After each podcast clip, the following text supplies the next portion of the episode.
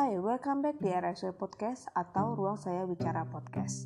Ini adalah podcast dengan nama baru dari sebelumnya yaitu Ngobrol Sana Sini Podcast atau Ngobrol Ini Itu Podcast.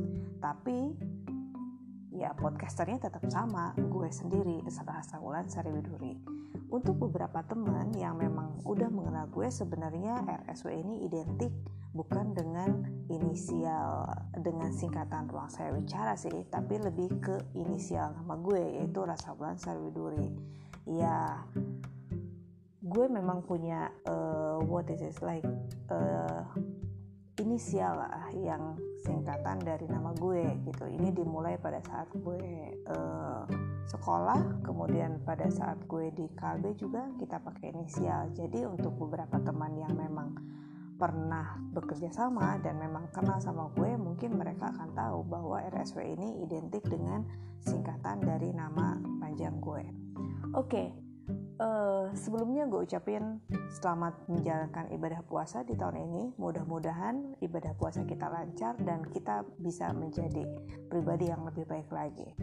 Nah gue sebenarnya udah agak lama nih nggak membuat podcast tapi uh, di bulan Ramadan ini gue rasanya ingin men-challenge diri gue bahwa gue akan membuat podcast lebih banyak dibandingkan sebelumnya.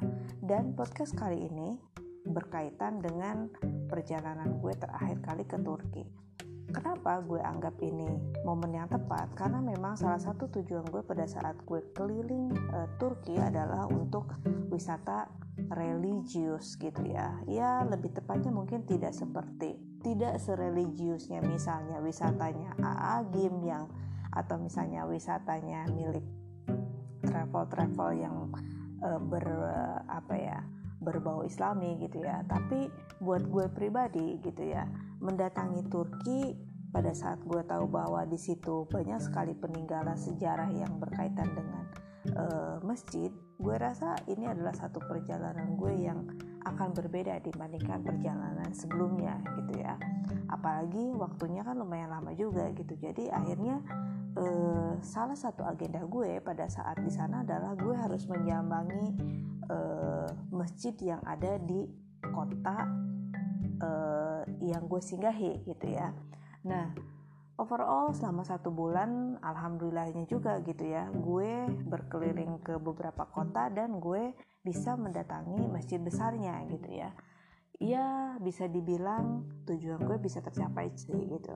Tapi tidak menutup kemungkinan juga sih di podcast ini. Mungkin gue akan bercerita tentang hal-hal lain sih gitu. Tapi intinya adalah gue gue merasa bahwa momen gue pada saat gue ke Turki ini adalah momen yang tepat juga pada saat Ramadan gitu ya.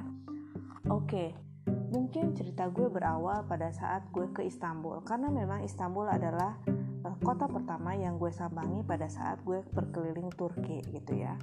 Uh, kenapa? Karena memang kan airport paling terbesar saat itu di Istanbul.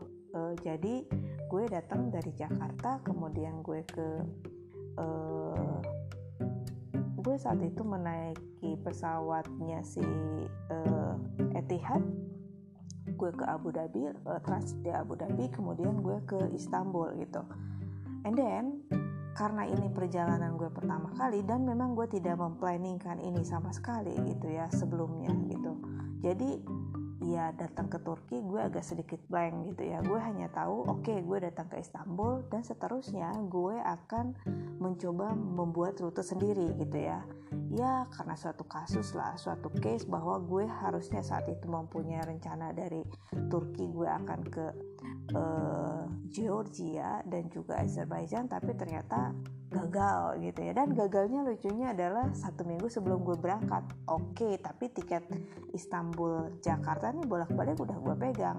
Oke okay, akhirnya ya udah dengan modal nekat gue jalani trip tersebut gitu. Tapi gue bertekad oke okay, gue akan mencoba mencari trip sendiri gitu pada saat di sana. Jadi saat itu gue datang gue hanya mempunyai akomodasi di Istanbul. Selebihnya ya let it flow gitu ya. Oke, di Istanbul yang saat itu gue tahu adalah gue harus datang ke Blue Mosque atau Masjid Biru. Kemudian gue juga mungkin harus uh, mendatangi ke museumnya Hagia Sophia gitu ya. kenapa? Karena dua tempat ini adalah tempat yang paling populer gitu.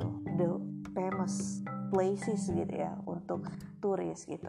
Dan ini mengingatkan gue pada saat gue umroh gitu ya. Saat itu salah satu umroh menawarkan untuk berwisata juga ke Turki. Tapi gue bilang gitu bahwa rasanya kalau misalnya kita lagi umroh kemudian kita ke Turki yang ada adalah ibadahnya gue yakin gue bisa gitu ya bisa tercapai tapi jalan-jalannya mungkin enggak gitu ya. Akhirnya saat itu pada saat gue umroh itu gue bertekad bahwa suatu saat gue akan ke Turki tapi tidak berbarengan dengan umroh gue ibadah gue gitu. Gue harus ke Turki tapi ya di luar waktu itu gitu. Jadi hanya sekedar untuk uh, pelesiran gitu pure dan akhirnya di tahun 2019 hal ini terwujud gitu. Nah gue datang ke Istanbul saat itu di siang hari kemudian setelah bertanya-tanya gitu dan untungnya gue kenal gitu ya dengan salah satu mahasiswa gitu. Mahasiswa sana sih sebenarnya. Dan akhirnya gue diantar lah sama dia gitu mulai dari bandara sampai ke uh, hotel tempat gue menginap gitu sebenarnya nggak deket-deket banget sih sebenarnya tapi intinya adalah gue akhirnya dari bandara sampai ke kotanya ke kota Istanbulnya di city-nya di pusatnya ya gue barengan sama dia so far uh, gue sebenarnya senang gitu kalau misalnya gue punya kan kenalan seorang uh, orang lokal yang mahasiswa. Kenapa? Karena biasanya orang lokal dan mahasiswa itu secara bahasa mereka bagus. Yang pasti mungkin dibilang bagus tuh dalam artian bahwa mereka bisa berkomunikasi dalam bahasa Inggris. Karena bahasa yang gue bisa saat gue traveling ya bahasa Inggris gitu ya. Jadi gue sangat excited gitu ya kalau misalnya ada mahasiswa yang gue tanya dan mereka bisa apa ya mau gue ajak komunikasi gitu. Nah akhirnya sama dia lah gue sampai di uh, kotanya si Istanbul gitu ya. Uh, yang gue inget adalah karena dia mahasiswa gue turun deket-deketnya si apa ya deket-deketnya kampus gitu gitu. Oke okay, based on dari situ akhirnya gue uh, menjelajahilah si tempat penginapan gue ini gitu ya. Memang sih agak jauh tapi so far akhirnya gue ketemu lah walaupun sebenarnya ada sedikit drama bahwa ternyata tempatnya berpindah gitu. Dan gue terjebak gitu. Di saat maghrib gue masih aja gitu nyari-nyari tempat uh, untuk nginep gitu. Tapi alhamdulillah gitu ya gue gue sangat bersyukur gitu bahwa ternyata Allah masih menolong gue gitu. Dan gue, gue yakin sih bukan Allah masih menolong gue bahwa Allah pasti menolong gue ya. Ternyata ada orang baik yang akhirnya menunjukkan si tempat penginapan gue itu. Walaupun sebenarnya tempat penginapannya saat itu berpindah gitu. Reasonnya sendiri kenapa pindah? Mereka hanya bilang bahwa tempat lama itu sudah kosong akhirnya dipindahkan tapi tidak ada informasi di dalam website.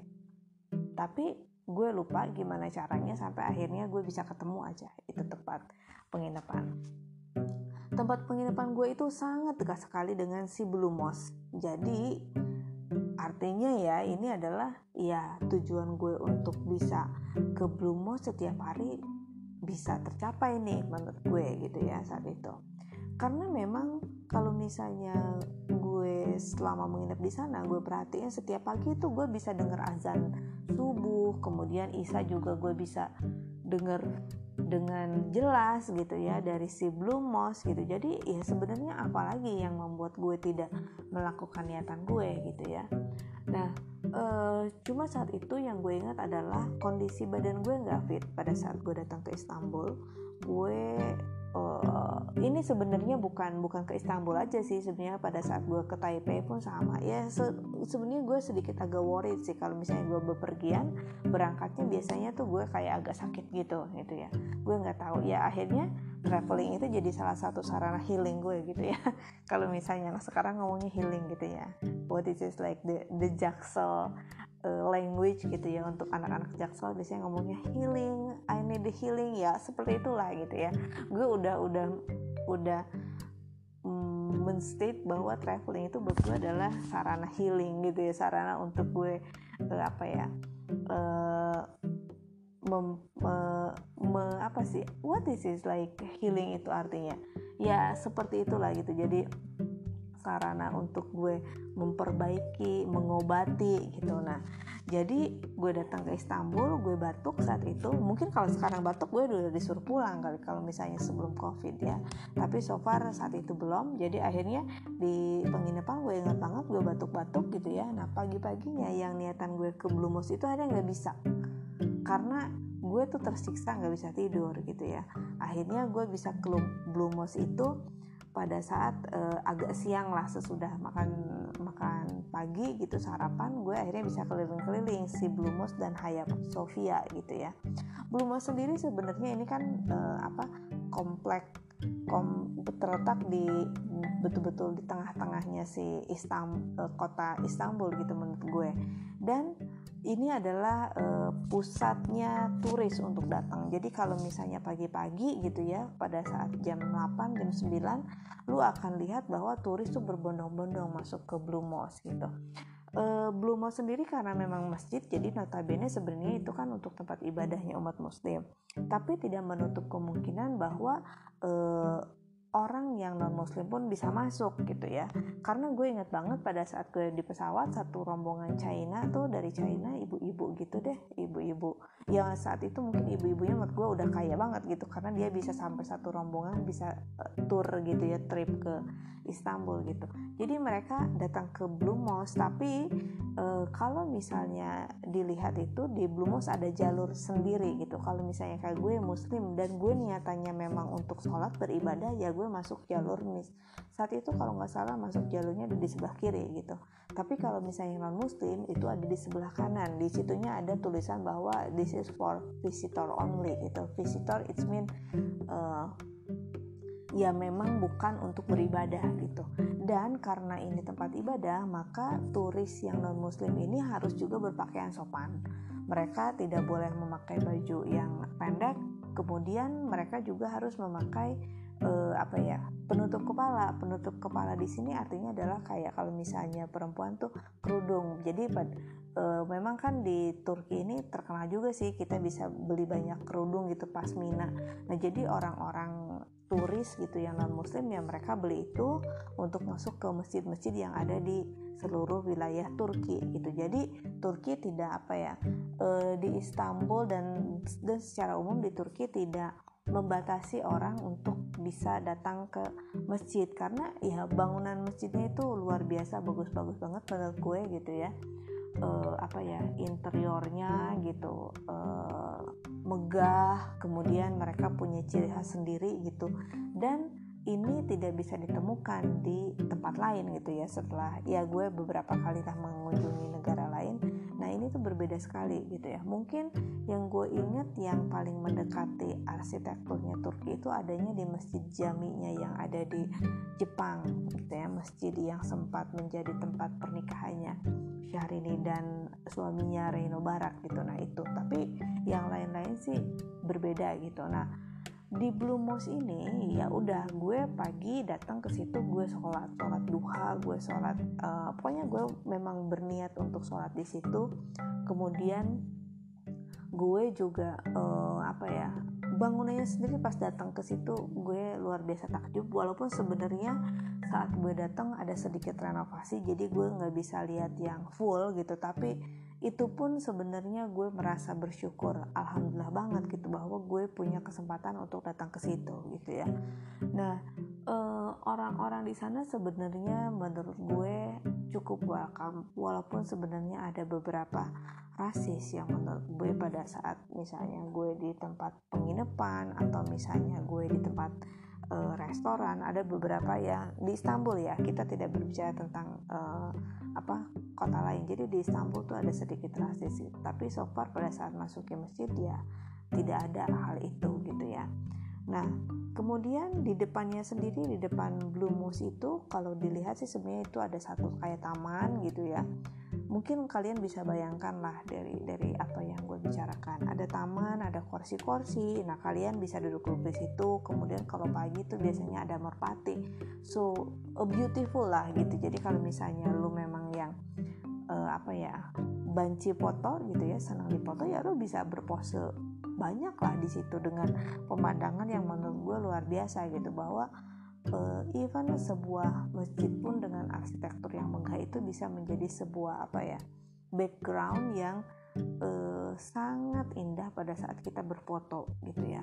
Kemudian uh, cuaca di sana juga sebenarnya pada saat gue berangkat bulan November tidak tidak apa ya tidak bermasalah gitu. Jadi kalau misalnya lu datang ke situ awannya bagus biru gitu ya. Walaupun sebenarnya Istanbul itu menurut gue adalah kota yang hmm, tidak terlalu uh, apa ya tidak terlalu sehat gitu. Karena banyak sekali orang yang merokok sepanjang jalan gitu. Perempuan laki-laki gitu di mana pun gitu. Tapi ya gue bukan perokok tapi gue saat itu karena memang lagi batuk jadi hal itu sangat mengganggu sekali buat gue gitu. Even di depan Blue Mosque pun di taman itu banyak sekali orang merokok gitu ya yang gue ingat adalah kalau misalnya pagi cuaca uh, apa kalau misalnya cuacanya cerah ya lu bisa duduk-duduk di situ lu bisa apa ya istilahnya melihat uh, apa ya pemandangan gitu pemandangan orang-orang yang di situ. Uh, gue tidak bisa membayangkan sih untuk sekarang itu sudah pandemi ya. Kalau sebelum pandemi luar biasa. Itu uh, apa ya this is so beautiful lah gitu ya. Buat sen gue sendiri gitu gue yang seneng melihat uh, apa melihat pemandangan seperti ini gitu ya. Ya ini menarik sih buat gue. Oke nah di depannya sendiri ada Hagia Sophia sebetulnya gue tidak masuk ke Hagia Sophia selama gue ada di Turki gitu. Kenapa pertimbangannya saat itu adalah menurut gue queuingnya antriannya itu panjang sekali kalau ke Hagia Sophia jadi kalau lu datang lu harus datang pagi-pagi banget gitu. Nah dan buat gue tiket masuknya saat itu berapa ya? Mungkin bisa 200 ribu kali uh, atau berapa? Menurut gue terlalu mahal gitu. Karena mungkin gue kan uh, berkeliling-keliling ke semua masjid ya. Even di Istanbul pun gue sampai berkeliling ke belakang gitu. Jadi sebenarnya bangunannya mirip-mirip gitu. Cuma mungkin Hagia Sophia ini karena udah dijadikan museum dan banyak turis datang ya jadi agak sedikit komersil gitu. Karena gue menemukan satu masjid lagi namanya tetap sama Hagia Sophia tapi agak di belakang agak jauh gitu. Nah itu uh, memang lebih kecil bangunannya. Tapi menurut gue Hagia Sophia yang in front of the Blue Mosque mungkin akan similar lah dengan Hagia Sophia yang gue temukan secara tersembunyi di belakangnya sih. Uh, apa ya? Itu like the hidden place-nya Istanbul sih gitu ya. Agak sedikit suburb gitu, apa kumuh sedikit tapi ternyata ada masjid Hagia Sophia kecil gitu ya. Dan memang tidak terlalu ramai gitu ya jadi akhirnya uh, tapi memang gue sempat kan sempat melihat uh, apa beberapa blog kayak gitu. Kemudian temen gue juga saat itu ke sana ke Istanbul. Jadi gue udah bisa membayangkan sih isinya seperti apa. Kemudian gue teringat juga sih uh, inspirasi gue sebenarnya salah satunya adalah film yang dibintangi oleh si Dewi Sandra gitu ya tentang apa 99 cahaya langit Eropa kalau nggak salah Dewi Sandra dan Aca Septiasa gitu. Jadi gue sedikit membayangkan sih tentang si Haya Sofia tuh dalamnya seperti apa gitu ya. Uh, masjid uh, sebenarnya sih itu kan bangunan bangunan masjid kemudian menjadi gereja kalau nggak salah kemudian menjadi museum atau kebalikannya. Saya aku, uh, lupa sih gue lupa. Tapi yang pasti dalamnya gue udah bisa kebaca sih gitu. Jadi akhirnya ya sebenarnya gara-gara pertama adalah ngantrinya yang sangat panjang sekali dan gue tidak merasa itu worth it banget gue untuk hanya melihat-lihat. Karena di dalam pun kita nggak bisa foto gitu. Dan gue memang bukan tipikal yang akan memfoto semuanya gitu. Enggak gue tidak terlalu suka memfoto suatu objek di mana semua orang melakukan hal yang sama gitu. Buat gue tuh hmm, ya intinya adalah gue gue tidak gue lebih menyukai memfoto objek yang memang orang tidak tidak banyak foto itu gitu ya. Akhirnya ya udah gue uh, apa nggak nggak masuk ke Hagia Sophia tapi gitu ya ada hal yang menarik pada saat gue ke sana. Uh, saat itu kalau nggak salah hari ketiga deh hari ketiga gue di Istanbul. Pagi-pagi sesudah dari si Blue Mosque itu gue masih tetap nih pengen ya jiwa petualang gue ini kan tinggi banget gitu ya. Jadi gue pengen uh, menjelajahi si Hagia Sophia ini dari belakang itu Blue Mosque akhirnya gue jalan lah gitu ya ke uh, apa rute yang sepi gitu ya. Nah ternyata gitu di rute itu gue ketemu dong satu uh, apa sih kayak kita travel guide gitu ya guide tour lah. Ternyata dia pekerjanya guide tour. Dia uh, ramah banget gitu ya dia ramah banget nanyain ke gue gitu kenapa lu? Oh sebenarnya gini saat itu yang ke, gue ketemu dia sebenarnya di depannya si Hagia Sophia pagi-pagi gue foto-foto gitu karena masih sepi banget itu saat itu. Itu abis subuh gitu orang juga belum pada datang gitu gue foto-foto si Blue si Hagia Sophia nah dia datanglah nyamperin. Terus dia bilang oh uh, lu tertarik gak sama si apa Hagia Sophia? Gue bilang ya tertarik sih gitu. Nah terus dia tanya-tanya gitu tentang uh, dari biasalah standar standar question lah kayak lu dari mana gitu lu ke sini sama siapa gitu. Tapi gue agak sedikit bokis-bokis sedikit gitu ya gue bilangnya ya gue sebenarnya agak sedikit worry juga kalau misalnya gue dengar cerita bahwa di Turki itu kan kadang-kadang kalau misalnya orang sendiri gitu ya perempuan sendiri tuh suka di apa ya agak sedikit uh, ya mereka genit lah katanya gitu. Nah akhirnya gue bilang aja gitu gue agak sedikit bullshit bohong-bohong sedikit bahwa oke okay, gue udah nikah suami gue ternyata nggak bisa cuti barengan gue terus I'm a teacher ya sebenarnya itu itu buat gue cukup realistis. Karena cita-cita gue kan salah satunya gue pengen jadi lecturer gitu ya pengen jadi dosen gitu. Jadi ya gue pada saat gue bilang gue jadi teacher ya similar lah gue gitu ya.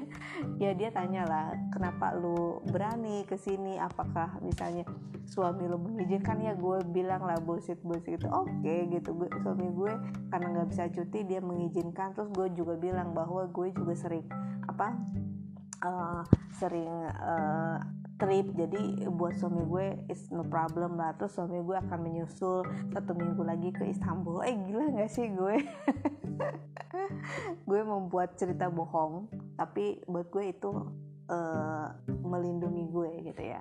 Tapi yang gue inget adalah ya gue nggak tahu entah mereka dia percaya apa enggak tapi yang pasti dia walaupun seorang travel guide gitu ya walaupun tujuannya sebenarnya selain menjadi guide tour itu dia juga menjual karpet ternyata gitu. Tapi dia nice person lah gitu. Terus dia ngajak gue dong ke satu restoran. Restorannya tuh di belakangnya si Hagia Sophia. Uh, kalau nggak salah namanya teras teras cafe or, or something like that lah. Yang gue tuh itu harganya mahal. Gue baru pada saat gue balik ke hotel dan gue cerita ke si resepsionis hotel itu. Jadi katanya itu cafe yang memang lu bisa lihat view si Hagia Sophia dan Blue Mosque dari atas emang iya memang gue ke situ tuh seperti itu. Dan kalau lu ke situ ke cafe situ kan di bawahnya kalau nggak salah ada hotel deh. Nah jadi biasanya tamu hotel atau lu ke situ lu harus membeli makanan yang ada di situ. Dan makanannya itu mahal karena hanya untuk membayar lu bisa melihat pemandangan yang tidak bisa didapatkan di tempat lain. Tapi gue nggak tahu uh, gimana ya pokoknya si travel guide ini percaya ya akhirnya gue dibawa sama dia bahkan dia memvideokan juga gitu ya uh, apa gue pada saat di situ. Ya gue sih cukup excited gitu ya gue senang banget sih gitu. Walaupun uh, ya sebenarnya nggak walaupun juga pokoknya gue excited aja gitu ya dia membantu gue gitu ya. Di ujung-ujungnya sih sebenarnya dia membawa gue ke tokonya dia untuk membeli apa karpet. Tapi ya gue ya gue bongbongin lagi lah gitu bahwa gue bilang oh oke okay, ini karpetnya bagus tapi uh, gue harus ngomong sama suami gue gue harus minta izin. Seperti itu lah walaupun dia bilang hah? Masa lu beli karpet aja minta izin? Ya gue bilang iya karena ini tuh bukan sesuatu yang hanya bisa dipakai buat gue sendiri gue bilang gitu. Ini pasti harus seizin dengan uh, keluarga. Gue ngomong gitulah ya ya seperti itu lalu lu tau lah gitu ya.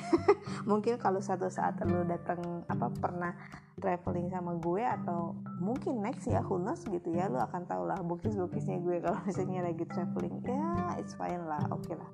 Nah jadi akhirnya ya udah gue dapet pemandangan itu gue dapet foto juga tapi dia untungnya tidak meminta nomor handphone dan kayaknya nggak akan gue kasih juga sih gitu. Tapi pagi itu sesudah dari situ gue akhirnya kan balik ke hotel gitu ya. Ke hotel gue sarapan nih. Nah gue cerita tuh sama si resepsionisnya. Resepsionisnya baik sih gitu. Dia bisa apa ya berkomunikasi dengan si uh, apa traveler yang nginap di situ. Kemudian gue, juga punya satu teman kamar gitu. Dia dia sih ngakunya jurnalis gitu cewek gitu nah gue ceritain gitu wow mereka kaget wah kamu lo ke situ. Intinya adalah lo ke situ itu kan mahal banget katanya gitu. Padahal saat itu kan gue nginepin di dorm ya mungkin mereka nggak percaya ya gue punya duit. Walaupun ya sebenarnya gue nggak mau juga sih ke situ ke si teras cafe itu untuk ngabisin duit kopi hanya untuk gue foto-foto gitu ya. Nah dia bilang oh itu mahal lo dia nanyain berapa harga kopinya? Gue bilang enggak gue kenalan sama tem sama orang di situ terus dia bawa gue ke situ gue bilang gitu.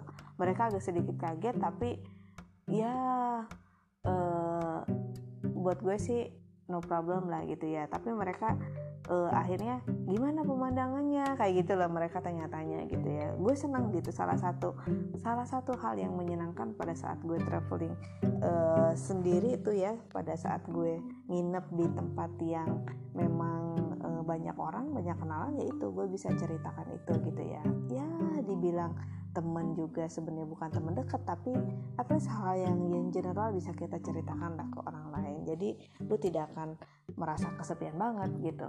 Nah pagi-pagi itu akhirnya ya udah di di meja makan gue cerita-cerita ya udah sesudah selesai akhirnya gue mandi ya udah gue ke tempat lain lagi gitu. Tapi ya itulah eh, pengalaman gue salah satunya adalah pada saat gue hmm, menemukan hidden place gitu ya yang memang tidak pernah disangka-sangka gitu ya. Ya mudah-mudahan sih sebenarnya cerita ini ada ada maknanya buat kalian gitu ya. Atau ya sekedar pada saat bulan Ramadan ini lu sambil ngabuburit lu denger lah podcast gue gitu ya.